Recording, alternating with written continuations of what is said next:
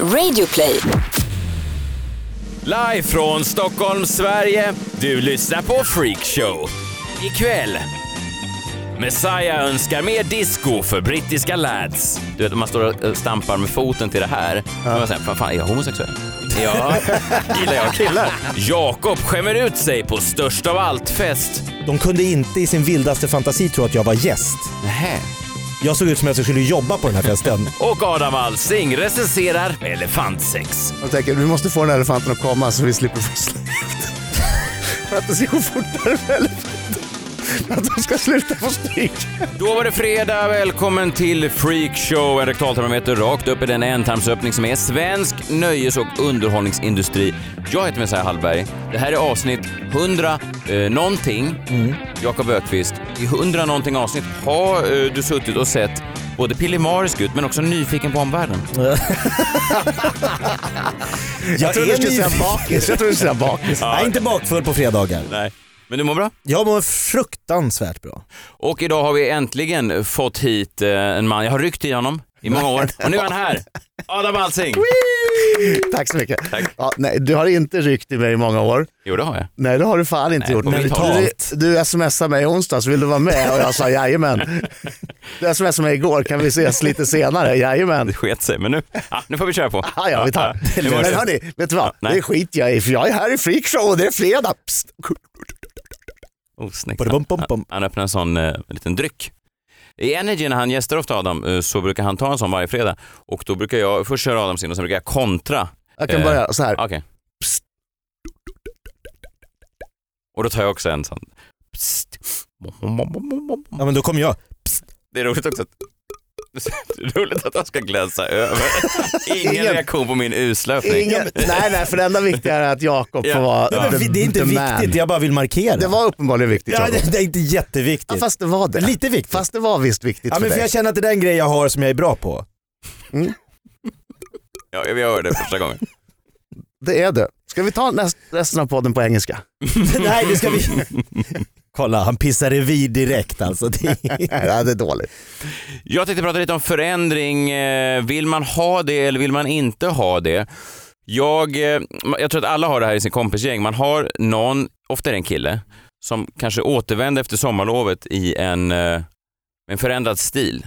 Jag hade en vän som efter ett sommarlov kom tillbaka med en, en sån mockajacka, en sån fransjacka. Oj, lite glamrock. Lite eh, amerikansk Ja, exakt. ursprungsbefolkning-stilen. Ja, Lite man funderar, var står din häst eh, parkerad? Ja. Eh, och det kom från ingenstans och till slut var man tvungen att påtala att du känns inte som en sån mockajacks-kille. Nej. Men han försökte ändå och sen efter ytterligare något, något lov så kom han i en sån Hawaii-skjorta. För då hade han varit på semester på Hawaii eller någonting. Och så ville han bara vara lite fri. Och man kände sig att den där killen är, han är härlig men man, man, man vet inte riktigt om man bottnade i det. Vill Eh. söka det Hur någonstans. bottnar man i sin hawaiiskjorta? Ja men man kanske är en, ja, men jag, tror att till exempel, säg Lasse Kronér, om man sätter på sig en hawaiiskjorta. Det funkar. kän- Då bottnar han i det på något Ja. sätt. Han, han är en sån Han typ. är grundad i Hawaii. Ja, han är det. Eh, sen hade jag också en, en vän som alltid hade på sig eh, t-shirt och jeans, liksom till allt. T-shirt och jeans till begravning, t-shirt och jeans till bröllop. Det är lite mer safe. Ja men det är safe. Så det här är två spår. Och det här slog mig då, jag är ett gammalt eh, Oasis-fan, Mm. mitt favoritband. Och eh, Liam Gallagher, Noel Gallagher, två bröder som då splittrades där för tio år sedan och sen har de då försökt släppa lite solomaterial. Eh, och det här är ju då, man kan säga att här, de här två är då de här två killarna i min klass. Liam Gallagher släpper musik som låter, vad ska man säga, ungefär exakt som Oasis alltid gjort. Alltså det är gitarr, det är trummor, det är ganska Beatles-inspirerat. Vi kan lyssna lite på, bara på Liams eh, solomaterial, en låt. What's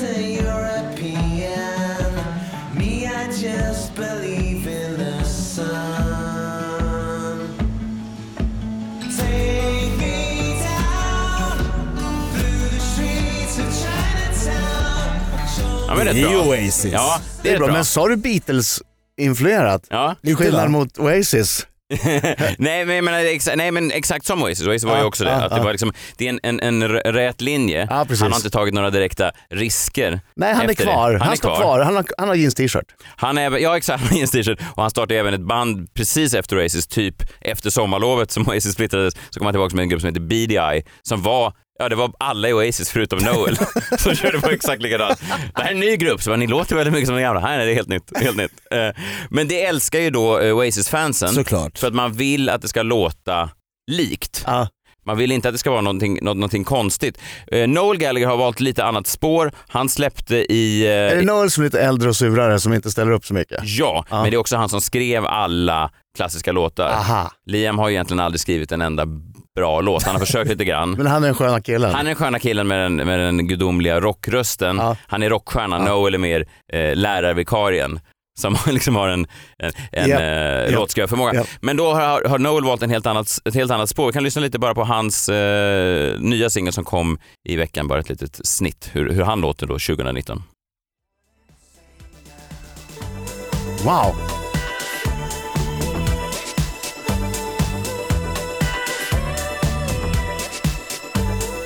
Herregud, det är ju Fleetwood Mac är det ju. Det är är ju någonting. Tell me lies, tell me sweet little lies. Tell me, tell me lies. Ja. Ja, det är inte så Oasis, det är inte så mörkt, det är inte så mycket Manchester. Nej, Liam Gallagher hörde den här låten, eh, sen skrev han på Twitter “Fuck off!” Det skriver han ju vad som än händer. Jag tyckte det var skit. Det skriver han ju alltid. Och eh, det är också så, Noel Gallagher har ju lagt upp på Instagram och Twitter den här nya låten och under är det väldigt många lads som skriver så här, jag hoppas du kommer ur din eh, medelålderskris och kan börja göra lite bra musik igen. Aj, aj. Eller någon som bara skriver “It's shite mate, it's shite”. väldigt tydligt. Han fick inte ändra sig, liksom. han fick inte komma i den här fransjackan efter sommarlovet. Han fick inte göra det. Tidningen Enemy eh, skrev då när de recenserade den här, Noel Gallaghers gone disco dad. Det är inte, Daddy DJ. det är inte, och inte på ett bra sätt. Jag vet inte. Disco dad. Nej, disco dad är ju nedlåtande, det vill Ja. man ju inte vara. Ja. Det, just dad är ju sällan, en, en, dad body är ju inte... Det är inte toppklass. Nej, det är inte toppklass. Nej. Men i en disco där är det en pappa som kommer in på diskot och börjar köra pappadans. Ja, jag tror Skulle att det är tro det. det. Jag tror Ja. det. Nya singeln heter Black Star Dancing. Jag tycker den är bra, men det som slår mig är då... skön. Ja, men den är skön. Men det som slår mig är ju att man har ju det där med väldigt många. Man kan ha det med tv-serier eller författare eller musiker. Ibland är man otroligt besatt nästan av idén att det ska vara som det alltid har varit. Mm. Alltså man vill att en författare som skriver en viss typ av böcker alltid ska skriva den typen av Mm. böcker. För att annars så blir det fel i huvudet. Det blir tilt. Ja, samtidigt som jag på något sätt ur ett liksom konstnärligt perspektiv har mycket mer förståelse och imponeras mycket mer av någon som vågar kasta sig ut och göra, vad fan, 50 år gammal, göra någon slags disco-pop. Alltså att försöka utmana sig själv och inte göra exakt samma sak hela eh, tiden Men, fascinerar mig. men är inte svaret på frågan egentligen, så länge det blir bra så är det okej? Jo, men jag tycker Om att det det, hade är... varit fantastiskt. Ja, fast tror du att de här ladsen Det här i... var inte fantastiskt. Mm. Det lät precis, alltså det lät ju som att han har tagit en gammal Fleetwood Mac-låt. Ja, men han är lite vilsen då. Man, man, man kan ta en... Men Jag tänker på bara ett sånt exempel som Jo Nesbø, ja, författare, Deckarförfattare. deckarförfattare, Ja. skriver om sin hjälte. Som jag nu inte kommer ihåg vad fan han heter. Ja, men han har ju någon sån här en- Wallander typ. Ja, han har en Wallander typ. Ja. Plötsligt så gör han en bok om en annan person som är helt urusel. Tycker jag då att den boken var urusel för att det var om en annan person eller var det faktiskt i själva verket en sämre bok än de här han har gjort? nej, Jag tror att det var en sämre bok därför att de andra har han gjort i, vadå, 15 stycken av. ja. Så att man kan karaktärerna, man kan birollsinnehavarna, man, det här persongalleriet är mycket eh, Det mer är en trygghet, man utmålat. förstår direkt vad man Du hamnar kastar i. in och vet vilken värld du har hamnat i.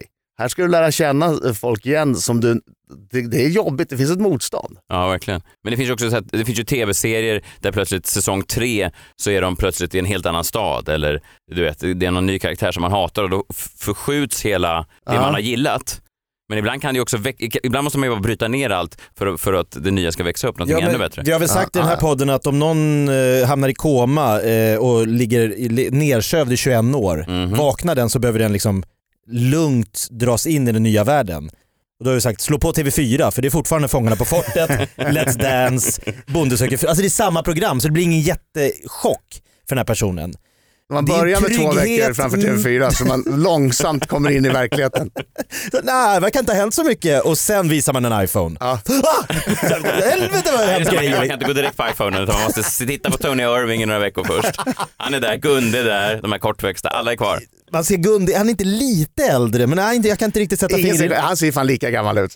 Eller Ja, lika han ung ut. exakt lika, ja det är ingen skillnad. Men, men Noel är då, ja, jag, jag tycker det är intressant, på förra skivan, vi kan bara ta ett annat exempel, en, en låt som också blev väldigt avskydd då av Oasis-fans. Man är ju van vid alltså skinnjacka, gitarrmusik, det är ju det man är van vid. Men är inte Oasis-fans också väldigt mycket skitstövlar? Nej, det vet jag inte. Det tror jag. Jaha, okej. Men eh, de är konservativa i alla fall. Ja, de För gillar... de är Oasis-fans och de gillar Oasis. Ja, de, Ja. ja. men de gillar ju också britpop, de gillar 60-tals mm, engelsk Ja, pop. det, ju, det säger ju någonting. Ja, kanske. Vi kan lyssna hur det lät när Noel kom tillbaka förra gången med Holy Mountain. Det här är inte heller... Det här är ju fan riktigt... eh, Let's stick together. Come on, come on, let's stick Det var together. alltid en låt som direkt... Vi kan börja det lyssna på refrängen för då låter det som eh, plötsligt lite mer Ricky Martin. Vänta. Nu.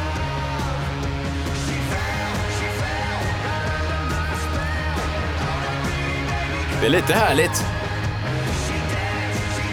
Men det låter lite som Det den är, som, här... eh, det är som Lynyrd Skynyrd möter Plastic Bertrand. Det är som en blandning av Let's stick together och äh, Ça plan pour moi. Men väldigt pumpig Ja. liksom, den var ju tung. Ja, men jag tycker den är bra, men man kan förstå, det är också någonting, det är liksom när Eminem för eh, x antal år sedan började sjunga på några låtar. Det finns ju en, en underförstådd, vad ska man säga, maskulinitet i både britpopen och även i hiphopen som gör så att, att, att många killar kan också börja ifrågasätta, du vet om man står och eh, stampar med foten till det här, så kan man säga, fan, fan är jag homosexuell? Ja, gillar jag killar? Jag Är det det första tecknet? Nej, men jag kan tänka mig, om man är en lad från Liverpool, så är det mycket möjligt att en vickande tå är lite som att ha en penis i munnen. Ja, det är samma. Ja, inte exakt Inte, samma. men- inte fysiskt, Nej. men känslan. Ja, Sacha Baron Cohens nya, Brothers Grimsby. inte sett. Det är Sacha Baron Cohen är en riktig lad från eh, norra, norra England som har en familj som han älskar. Men hans brorsa, de separerades Ja. när de var små. Han har en bror Okej. som han hela tiden längtar efter. De håller på Grimsby i fotboll Aha, okej. och de, har, de är på puben och, de har, och de, han är så jävla, det är så jävla dum. Det är dum och dummare fast i, i, i England i någon slags eh, ja, Skitigare. lad-miljö. Ja, för fan, det här är smutsigt. Men den är rolig, den är jättekonstig. Där gjorde de den klassiska, eh, som nu sen har jag sett massa har tagit efter, men det var första gången jag såg det i alla fall. De, han var på Conan, Conan O'Brien, Okej. Sacha Baron Cohen för att Som visa... sig själv eller som Nej, karaktär? som, sin, eh, som sig själv. För att göra Som promo Sasha. för sin film eh, Brothers Grimsby. Ja. Och då har de en scen i, i filmen eh, som de då inte vågade visa på tv för att den var för grov för tv-publiken sa de. Aha. Men vi kommer visa den för publiken i studion. Och så visar man publikens Och så fick- reaktioner. Och så säger då eh, Conan att då ska ni vara klart för att om ni vill lämna nu så får ni göra det, det är inget fel i det. Okej, då kör vi och så visar de det här klippet för studiopubliken så fick man se närbilder på deras reaktioner. och man blev ju så in i helvete nyfiken. Du vet. Det var bara, "Ah! Ah!" Mycket bättre än att visa själva klippet. Ja, mycket bättre. Supernyfiken. Å andra sidan tänkte man så här, ja, nu kommer jag ha så skyhöga förväntningar på just den här scenen Ja, jo. när, när den väl kommer. Men den eh, Men den, och det, slog den, den, levererade. slog den brottningsscenen i, i Borat när han Ja. brottas med den här Ja, fast den, den, är feta, också, håriga... den är också äcklig, men den Den är här, äcklig. den här är ju, den här scenen är i, i Grimsby om man sett filmen. Ska jag spoila det här? Ja, jag gör så. Ja, Hur gammal är filmen? Två, tre år. Ja, då kör. De eh, hade visat sig att hans bror är en eh, James Bond-typ, hemlig agent. Mhm. De eh, ska tillsammans fixa en grej. Okej. Ja, nu fattar man. Spoiler där. När skurkarna är ute efter dem, de springer, eh, de är i Afrika. De springer, de, eh, de skjuter efter dem i gevär, de är helt obeväpnade. Okej. Han har bara, han har bara ett par eh, hotelltofflor på sig. De hoppar ner för en klippa och där står en elefantflock. Men de måste ju rymma från förföljarna som klättrar upp Ja. i eh, Ah, en, ah. en elefantkvinna. kan man väl Ta säga. sig in. Ja. Och de, det ser ut som de gör det alltså. Ja, ja, Bildligt talat. ja. Ja. Och sen så ligger de inne i själva elefantkvinnan. Ah. Och då kommer en elefantman. Nej, det fortsätter alltså. Så, Han blir kär. och så, ja, och, och elefantmannen blir kär och sen så gör elefantmannen och elefantkvinnan det Ja. de ska göra. Ja, som vuxna elefanter gör. Medan de ligger där inne och blir pummeled. Fan, sjukaste scenidé jag någonsin. Ja det är det. Och den håller på länge också. Det är också härligt när de, när de tycker att det är jobbigt att få stryk av den här elefantpenisen. Den, Ja. som Det borde man, det tänker jag. Jag har aldrig varit i den skjutsas in situationen. och Men... ut som en jävla mjö, mjö, vet du, smörkärnare i, i, där de ligger. De tänker vi måste få den här elefanten att komma så vi slipper få slut. Alltså Så de vill hjälpa till. hjälpa till. för att det ska gå fortare för elefanten. Att de ska sluta få stryk. Så, så ett bättre öde är att han kommer. Ja, de, de orkar inte ta mer Nej, stryk. det, nej, det är för mycket, tar för lång... Nej, men vad fan. Och när han sen då blir så glad så att han, då får de... Det här är en annan typ av filmrecension än Ronny Svensson brukar. Ronnys rullar med Jenny Ja, Ström. det är fyra solar. Nu ska vi gå till köket och se vad Marcus Ancholo har. Han har crème fraîche-rörer har du. Ja, Ehm, Just det, Oasis ja. Ja, vad var vi? Nej, jag tänkte på det här för att jag eh, förra veckan firade tio år som eh, ståuppkomiker och eh, där har man ju också lite samma sak. När jag eh, började så var jag väldigt tydligt en, en karaktär, jag pratade på ett visst sätt, jag hade en viss typ av skämt hela tiden. God kväll mina vänner. Låt mig berätta inledningsvis en liten historia ur mitt liv, sann historia. Okej Göta Lejon, lyssna på det här. Jag gick förbi en riktigt fattig person häromdagen. Jag försökte inte skratta åt honom. Det gick inte. De ser ju för roliga ut. Har ni sett dem? Jag har en fråga. Hur kan det komma sig att det bara är folk med riktigt, riktigt dålig klädsmak som är uteliggare? Finns det ett samband? Han kom fram till mig och sa, ursäkta herrn, har du tre kronor till en kopp kaffe?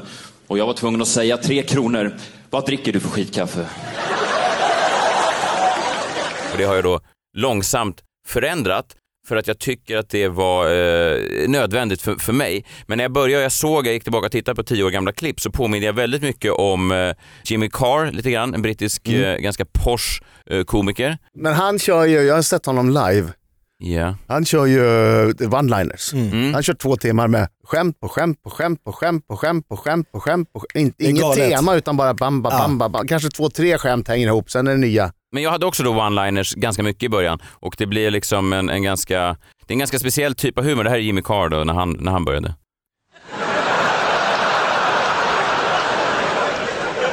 I should explain the shirt. I'm not gay. Unless you're from Newcastle. And by gay you mean owns a coat. Roligt skämt. Påminde också om Anthony Jeselnik, också en one-liner-komiker, eh, ganska grov sådan, som... Eh, kanske den grövsta i branschen. Men det som slog mig då, tio år senare när jag ser tillbaka på mitt gamla material, är att Jimmy Carr fortfarande egentligen gör exakt samma sak. Anthony Jeselnik gör i stort sett också exakt samma sak, vilket förundrar mig att de inte har några Noel Gallagher-ögonblick. Förstår du menar? Det finns liksom inte en, en ambition ens att stå och göra någon slags discopop, utan det är exakt samma typ av one-liner fortfarande och det är lite synd kan jag tycka på så begåvade komiker att det inte finns en minsta strävan av att utveckla sig. Vi kan bara lyssna här lite från Anthony Jeselniks nya eh, show. This nine year old girl.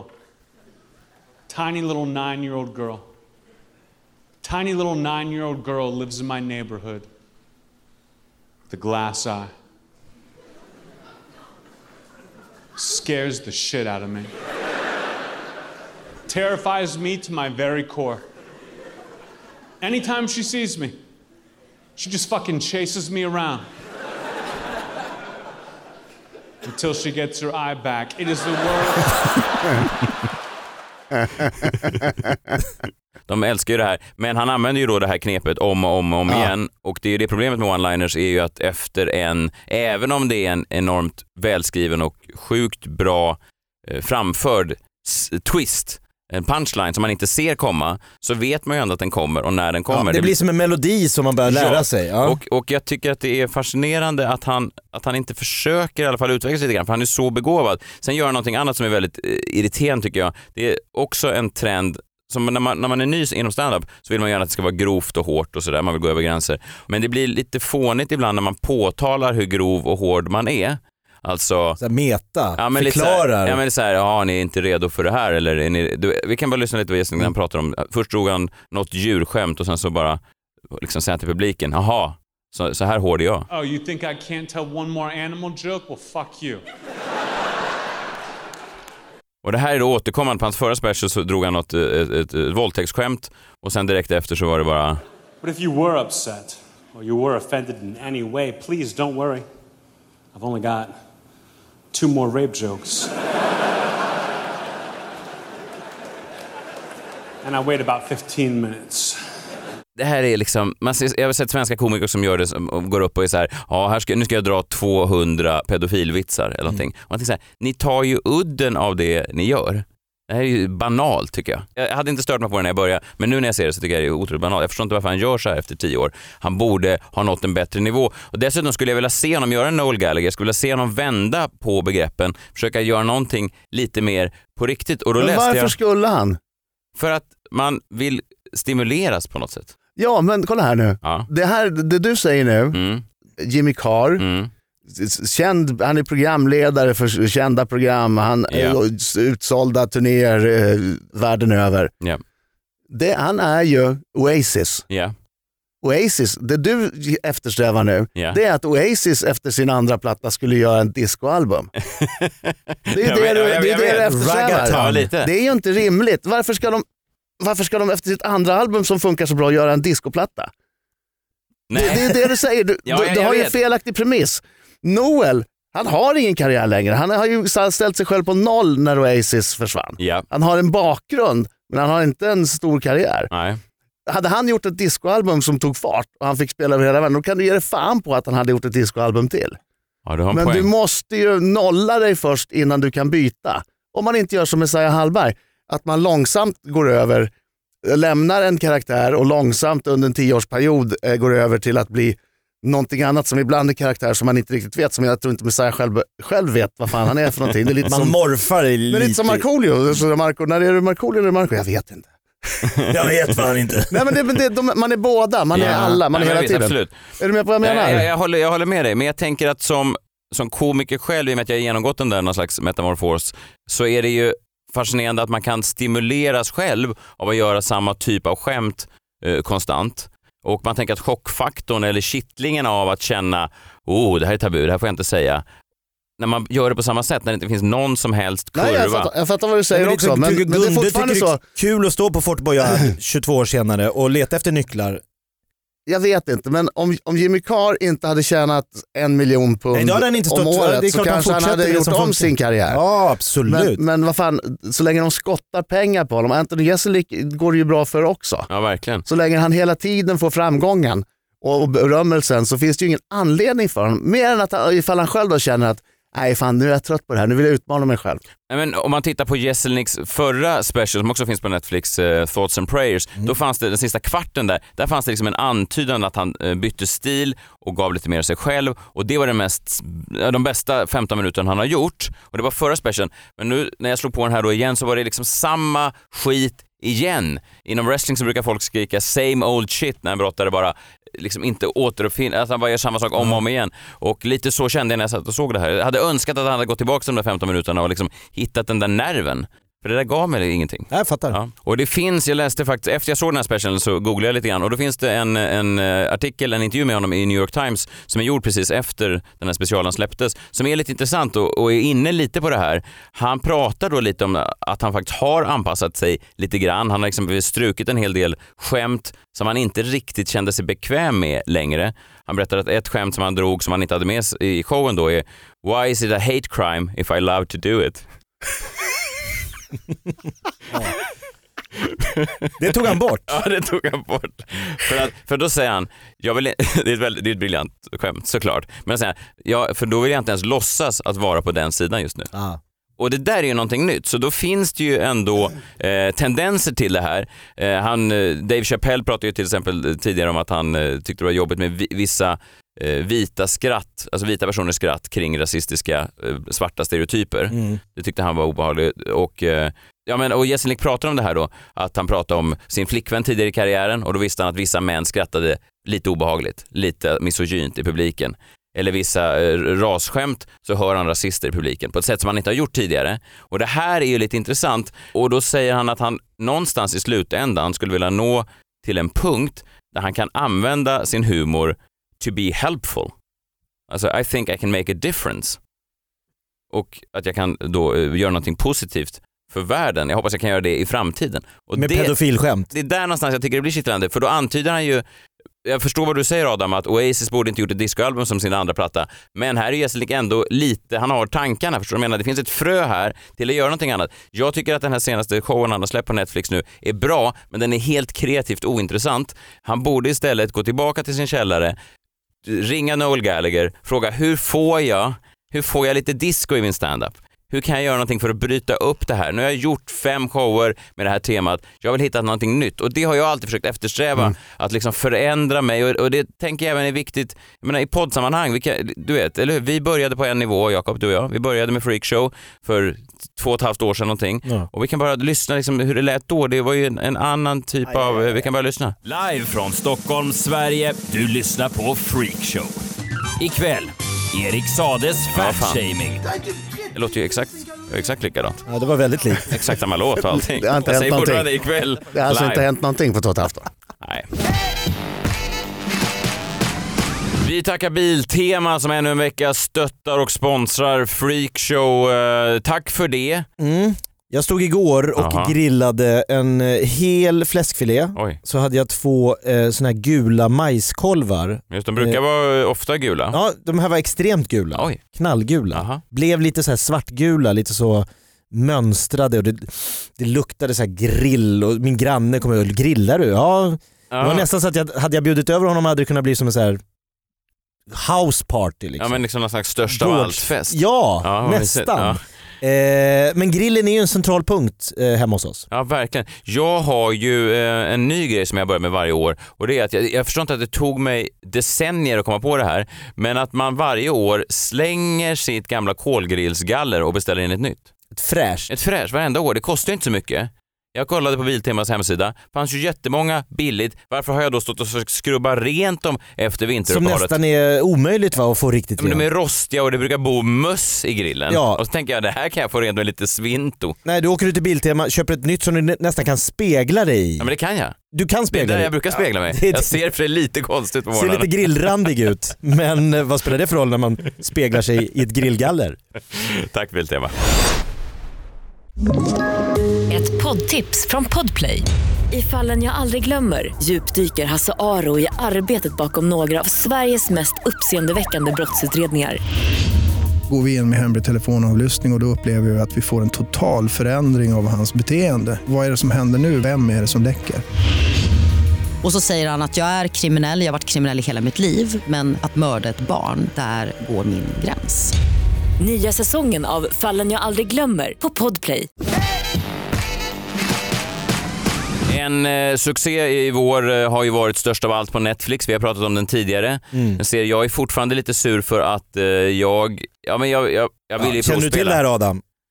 Messiah Hallberg sökte och fick nästan rollen. Ja, skitsamma. Jag såg det. Felix eh, Sandman var väl duktig. Jag tycker han har konstig frisyr för att vara en stekare. Ja, lite Hade dum och sån- dummare-varianten där. Nej, det, Ja. var, det gjorde mig irriterad. Varje gång jag satt och såg den så tänkte jag, det där hade jag kunnat göra bättre. Men det var en bra serie. Nej, men jag, jag hörde ju när ni pratade om det, Mm. eh, men jag trodde inte att det var på riktigt. Nej. Det är helt på riktigt. Ja, men det, För du kan ju inte gärna gå som en 18-åring och säga. det kan jag visst. visst. Även om du är slät och fin så ser du ju ut som 30 i alla Visst är fall. han slät? Ja men han är Han jätteslät. har en sån här hy av mahogny. Störst av allt. Ja. Dundersuccé. Och då, de har ju festscener i den här serien som är, det är ganska rejäla fester. Ja. Poolpartyt bland annat hemma hos huvudpersonen. Överklassfester. Ja, och då Fester var det en intervju, excesser. Svenska Dagbladet gjorde en intervju med lite Danderydstjejer och Djursholmstjejer och sa de här festerna i den här serien, hur mycket speglar de verkligheten? Och då säger tjejerna, ja det är så där våra fester är. Jaha. Och då blir man ju, vad fan har jag varit på för fester i livet? Ja, verkligen. Kommer ni ihåg festerna när man var 17-18 år? Mm, jag, jag minns ofta att man åkte ut till någon förort, Ja, för jag hade en kompis som hette Erik Ekebacke, som jag umgicks mycket med för att han... partykille. Ja, han var en sån där som man alltid ringde fredag, lördag för han hade hört talas om någon som då hade en fest. Och Det sen- räckte. Det räckte och då, var man, eh, då blev man ett snabbt stort gäng och så åkte man ut till någon Och det här var förort. innan Facebook. Det här var innan Det gick Facebook. att förstöra fester redan innan Facebook. Ja, verkligen. Var det samma i Värmland? Ja, jag var ju diskjockey rätt tidigt och Ah, var ute och, var spela på, ute och spela på helgerna. Men jag vet någon, någon gång hade jag, när jag var ensam hemma i, i, i huset, så hade jag fest och då var det ju blixtsnabbt så att det, det, Djungeltrumman gick. djungeltrumman gick och så kom de stora dumma killarna och bara röjde sönder allting. Ja, Jag hade gömt mammas pappas sprit, inte för de hade så mycket sprit, men de hade några spritflaskor. ja. Man hade gömt i bastun under bastulag, alltså längst in. Och den lyckades med som jävla blodhundar på alkohol de här jävlarna som jag inte ska Det nämna. måste finnas sprit någonstans. Det är borta, det luktar vodka. Så de tömde? Ja, de tömde och jag hade ju panik och då skulle jag ju försöka återställa, eh, för jag fick ju inte ha fest förstås och det var ju inte bra att det hade kommit massa jävla idioter eh, och röjt runt. Nej. Så man städade ju upp och försökte göra allting.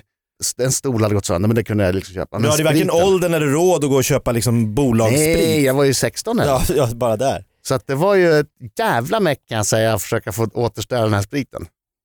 Men, men eh, jag tror att både jag och Adam eh, känner att eh, nej, det var inte den typen av fester Det var inte de här poolpartyna med fri tillgång till champagne, sprit. De står liksom, alla har en flaska champagne. Det korta svaret. nej. för att summera det Adam säger.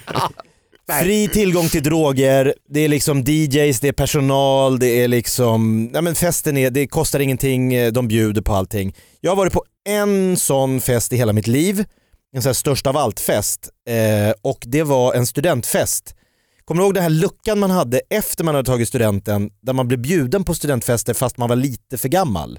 Att det fanns ett år eller Det något. fanns där. något år Ja, eller två där ja. man blev Nej. inbjuden, du var säkert DJ på de festerna. Ja, det kan jag vara. Kan ha varit. Jag varit inbjuden på en studentfest i Saltsjöbaden. Okej, det är ett rikt område utanför Stockholm. Solsidan spelas in där. Just det. Tecknet nummer ett på att jag kanske inte passade in på den här festen, eller på att jag inte, jag fattade inte, för jag hörde av mig och sa, vad är den här postgirotalongen där jag ska betala in för festen? Och det här var i fjol eller? det här var 1996. Och alla bara, nej men du betalar med mobilen. Vad- men vad är postgirotalongen? Du swishar tar ni du. postgiro? Ja, men det fanns, historien är att det fanns inga fester där man inte betalade först. Nej, okej. Alla studentfester var ju att man betalade in och så fick man en eh, laxbit till förrätt och så var det en eh, fläsk noisette med Ja, pommes ja. och så var det någon chokladmousse och så var ingick det två glas vin. Och det kostade då, ja men vad fan kan det kosta? 500-600 spänn. Jävla pengar de gör de här som anordnar de här. Anordna fester. Ja. Ja. men det var alltid att man måste betala. Nej, och han sa bara, det, det kostar inget, det är bara att komma. Du fick stoppa ner ditt eh, bank. Jag fick gå Sin tillbaks till posten och lämna tillbaks postgirotalongen och säga, jag behöver inte den här. Det här behöver inte jag tydligen. Hallå! Här är en kille som ska på fest där det inte behövs talonger. Gratisfest. Sen eh, steg nummer två när jag borde ha känt att det var lite, det är när jag kommer till den här stora då, villan nere vid vattnet i Saltsjöbaden där de står och prickar av när man kommer. Det står två killar uppe vid uppfarten och prickar av folk. Mhm.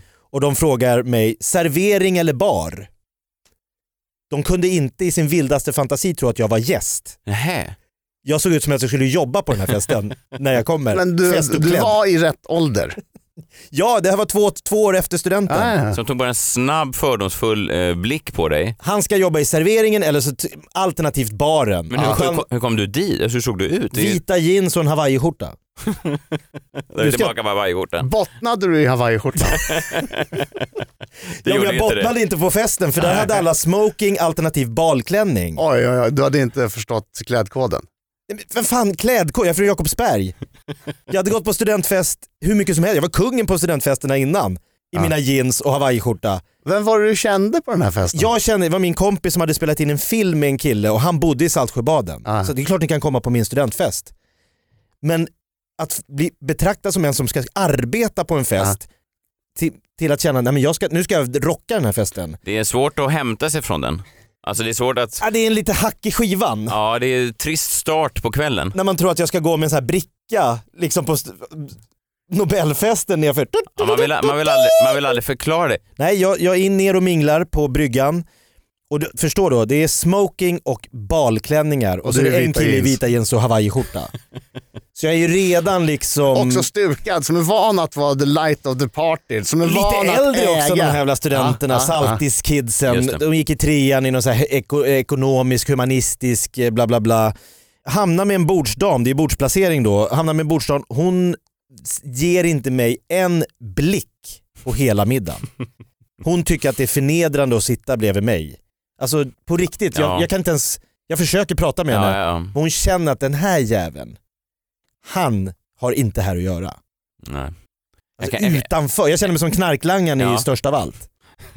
Ja, ja lite, man, man tänker sig, ja, hur hamnar han där? Det där är inte, en, Nej. det är inte festets Nej. det var mittpunkt, Ja, men ja, av en visst. anledning. Men, men jag kan förstå henne också för att, att jag kan tänka mig att det, blev, det spreds ju också kanske lite snack på festen att oj, eh, prata inte med honom där, han är säkert farlig och så vidare. Är han från Jakobsberg? Det, det, ryktet gick. Ja, men de såg ju på min klädsel, han fattar ingenting. Nej, nej precis, och då vill väl inte hon prata Varför med finns dig? det serveringspersonalen vid bordet? Men att du var kvar ens. Ja, men ska ju bjuda, det är gratis. Och Jakob väl? Mat och dr- drycken var gratis, maten var, jag fattade ingenting. Till och med baren var gratis. Ja, otroligt. Det var helt orimligt i min värld. Att de bjuder alla, som, det är ju 200 pers på den här festen, de bjuder. Och sen har de då, i och med att det är lite så finare kvarter, då har de ett honnörsbord där han, studenten själv sitter vid honnörsbordet och hans släktingar, mormor, farmor, pappa, mamma. Jag har aldrig sett släkt på en studentfest. Det är ofta i någon källare med så här smörpapper på En gammal industrilokal de gamla har. pingisbord har Ja. fått rullas undan. Aha. Och så är det, det är den typen av fester man har Ja, varit på. ja. Det är ingen släkt som dyker upp, det är bara fylla liksom. Så den här största av allt-festen var ju liksom, det var ju märklig, jag kände mig så oerhört fel. Men kunde du när du såg Störst av allt känna att... Eh, det- Revanschen. Nej, det vet jag inte. Vilken revansch menar du? På Att, det att, att du det- nu sitter och tittar Ja på men en de ser inte fest? så jävla lyckliga ut och de är inte så lyckliga kanske. Nu skrattar ni inte längre va? När ni är döda. Det var- tog 20 Du var år. den som satt och jublade när du fick se slutscenen när han mörsar ner I din hawaiiskjorta. Det för att du inte pratar med mig. Tänkte du prata om? då? Vad jag tänkte prata om? Nej, Jag är fortfarande helt fångad av eh, den där stridsvalen. Har ni Mm. läst om stridsvalen? Jag har inte läst ett ord om stridsvalen. Du fångad av en stridsval. ja, jag har helt snöat in på det här. Norska fiskare för ett par veckor sedan Mm. var ute med sin fiskebåt. De hade sett en vit val eh, som eh, verkade vara mer eller mindre nyfiken på människor. Så de åkte ut, valen kom fram till dem, de kunde klappa valen. De kunde till och med mata valen och det här är då unheard of i valsammanhang. Valar är inte Men det är ute i vilda. kontaktsökande. Ja, det här är i havet utanför Norges kust. De tittar närmare på valen och ser att valen har en sele på sig. En kamerasele Jaha. Ja, nu börjar ja. som de tar av valen. Eh, och där står det på, på ryska eh, property of Sankt Petersburg. Som då skulle kunna vara en, en eh, ja, någon slags... Spionval. Ja, en stridsval. Den här valen har väl då simmat in och, eller simmat runt kusten för att eh, eh, registrera. Med sin kamera så har sedan militärerna tagit hem valen. Det var en tam val helt enkelt. De- Som är de- så uppfostrad i Ryssland. Ja, uppfostrade i Ryssland och eh, där de har gjort en tam. De tog av selen förstås och nu är den här valen då fri. Och fortsätter att simma runt där. Och det är väldigt många turister som är där nu och vill klappa valen och kela med valen och valen tycker att detta är toppen. Och det som fick mig att börja tänka på det igen, eh, det, det intressanta är med de här stridsdjuren, det här är inget nytt att de använder djur. Eh, Och då menar jag inte... Försöker använda djur. Ja, jag försöker använda. Hannibal gick ju över, tågade över Alperna med elefanter. Det är inte riktigt samma sak. Nej. Men i andra världskriget så försökte ju ryssarna, de hade problem med tyska stridsvagnar. Mm. De kom inte åt dem. Mhm. Så de tränade hundar att springa in med minor att lägga under stridsvagnar. För stridsvagnarna är då, eller pansarwagen, är hårda runt om men, men inte riktigt lika skyddade underifrån därför att där kommer det ingen skott i vanliga fall. Så de tränade de här hundarna att springa in under tyska stridsvagnar Jaha. eh, med miner som de sen släppte. Hundarna sprang iväg och då kunde de fjärrdetonera minan och så sprängdes stridsvagnen. Problemet var bara att de här ryssarna hade inte tänkt på att hundar har ett känsligt luktsinne. Och ryska stridsvagnar som de hade tränat på, de går på diesel. Tyska stridsvagnar gick då på, andra världskriget på bensin Bensin. luktade helt annorlunda. Så när hundarna fick minerna i munnen så sprang de ju, de blev helt förvirrade och sprang tillbaka och la dem under ryska stridsvagnar. Så det här var inget bra experiment. väldigt Nej, var dåligt. Men det som fick mig att börja tänka på det igen nu, när jag hörde det här tänkte jag det är inte möjligt. Det kan inte vara möjligt. Många turister åker till Norge nu för att se den här stridsvalen, den tama stridsvalen. Mhm. Och den åker fram till båtarna och den vill bli klappad och den vill få käk. En turist ska ta med sin iPhone en bild på valen. Ja. Tappar mobilen i vattnet. Tror ni inte valjäveln dyker ner, plockar upp mobilen mellan läpparna Och lämnar tillbaks och lämnar den. tillbaks den? Som en jävla apporthund. Som en apporthund. Är det inte det sjukaste? Verkligen. En val! Ja, och jag hade inte trott det om jag inte hade sett det på film. Det finns på film alltså? Ja. Men alltså jag tänker att, eh, nu är så här myter, men att valar säger man har liksom en hjärna som en valnöt. Att de, alltså med stora jättedjur, Ja, ja. men totalt superkorkade idioter. Ja, Men möjligtvis. det kan de ju inte vara då. Inte just den här, Idioter, inte den här men valen. idioter, men alltså han, han, de har lärt han i Ryssland att åka till Norge och spionera på norska kustbevakningen, Ja, apportera tappade telefoner. Det är ju liksom en hög, det är ju en, det är en smart, det är en intelligent varelse. ja, verkligen. Men för jag har hört om eh, delfiner har man ju försökt få att attackera stridsfartyg och sånt. Just att de liksom sätter på dem små sprängämnen och Just det.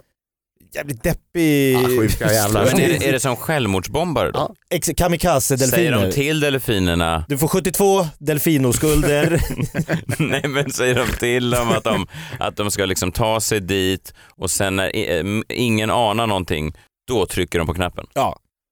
Men ja, men hur- det är inte så hur svårt att simma de- in i den här bukten där det ligger massa amerikanska fartyg. Men hur når de eh, avtryckaren med sina små sådana flipperfel? Nej, jag, tror inte, jag tror inte delfinerna själva liksom, utan det... Nej, Men det måste jag väl säga åt, de kan ju inte spränga sig innan utan det måste ju vara när de är på plats. Har När du flipper, Ja, först när du ser en amerikansk flagga, det är ja, då. då trycker du på knappen och sen kommer de fram och sen så når den inte. Fan, De kanske måste vara två då, att en trycker på, Ja, partner. ja de är som ett tag Hur team. många forskare tror ni har försökt eh, tyda delfinspråk? Och det lära sig vad det, Ja, vad det betyder. Det. De betyder ju pratar ju garanterat uppenbarligen med varandra Ja. på något sätt. Ja verkligen. Men Det måste ju finnas massa forskare som sitter och spelar in och spelar upp och ser vad som händer. Jag hörde en, en podcast som handlade om ljud just, eh, som var jävligt spännande. Eh, där berättade de bland annat om elefanter. Det var två saker som var eh, oerhört ögonöppnande, men framförallt det med eh, elefanterna var att när du ser elefanter på naturprogram, även om det är Attenborough naturprogram, Ute i det vilda ja. savannen. så har de alltid lagt ljud på. Det hörs nämligen ingenting när en elefant går. Nähä. Ingenting. Det hörs ingenting. De har mjuka, Men man vill ha det stora här äh, översta Men vi tror, eftersom de gjorde så här i början när de gjorde naturfilmer, la de på ljud, Jaha. så tror vi att det ska låta så. så när, om det inte låter någonting, då tror vi att det är något fel. Så de måste konst- lägga på ljud. Ah.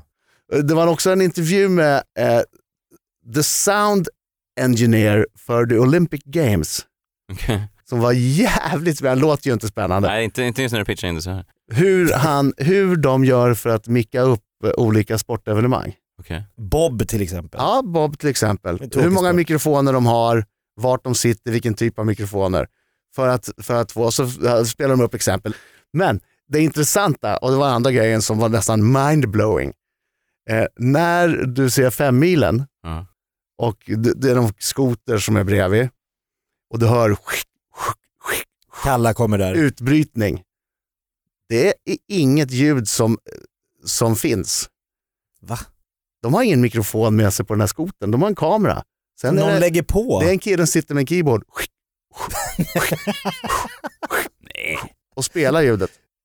Det är sant, ljudet av skidorna som... Ja för han, Det går annars inte hade ha vi bara hört, du hade bara hört skotern ja, såklart. Du hade ju bara hört en skoter, du hade inte hört... Otroligt. Ska du, är det femmilen i helgen Bosse? Ja. Jag ska in, ta med min Casio, Roland Ja. D50. Och så har de då i olika fören... Har Och de... nu kör han snabbare. Exakt, det är som så här folie i film, folieexperter som lägger ljud. Jag ska bli rockstjärna mamma. Och sen så. Tanken var. Vad blev du? Nej, jag kör bara Kalla för hon har en speciell diagonalstil. Som, som... Men det där tar jag med mig, elefanter låter inte. Hur låter det i en elefants eh, vagina? Så här. Tyst. Ja, för en stor vagina. Det hade varit ett sämre gig. Jag ska in och göra det här vagina-ljudet för elefanten nu i helgen mamma. Och bara sitta tyst. Adam Alsing, vad kan man höra dig när man inte hör dig i Freakshow? Oh, Oh. spännande fråga. Ja. Man kan höra mig varje morgon i Energy, Ja, eh, där jag tävlar i Vinnarnas pengar. just det. Hur går det? Det går bra än så länge. Jag tror jag är 28 på raken nu obesegrad. Va? Nej, 28 på raken. Förra gången fick jag ju stryk 91 gången tror jag, 92. Ja. Han är väldigt bra på frågor då. Ja, Adam. men det här säger en del om ni- NID i publiken också. Vill ändå säga det. Ja, och så här var det på Mix och Riks också. på Riks var jag obesegrad 189 gånger på raken. Ja, det är Sen obehagligt. slutade jag. Var det så? Ja. Eh, och så har jag podcast Adam och Company, Adam och Company, som man eh, gärna kan lyssna på som finns på Spotify. Kul, tack för att du kom Adam. Eh, gå gärna och köp biljett till Scener ett äktenskap, min soloturné i eh, höst. Det finns biljetter kvar i eh, de flesta städer, så det är bara in och köpa. Finns på museihallberg.se. Och ska man väl se mig live någon mer gång på Norra Brunn tror jag, innan vi tar sommarlov. Kan man, har du någonting Jakob? Det har jag säkert, men sommarlov pratar du redan. Det är tidigt i maj. Ja, men jag, Jag skrapade bilen i morse. ja, Vi jag, pratade är, om jag är redan utzonad. Ja, Jag fattar det. fan, jag cyklade hit i morse. svinkallt. Det, det är till och med så att jag hoppas att någon har snott cykeln nu när jag kommer ut så jag kan åka taxi hem. Så kallt var det. En lila skottcykel utanför eh, Bauer Media. Ja. Snor den. Snart är det sommarlov. Tack för att ni lyssnar. Följ oss på Facebook. Det är framtiden tror vi. Det är det. Freakshow är tillbaka nästa fredag. Som vanligt. Vi utvecklas hela tiden. Det gör vi. Enormt. Hej då! Hej! Hej! Hej. Not for the mountains. Tell me who will stand tall.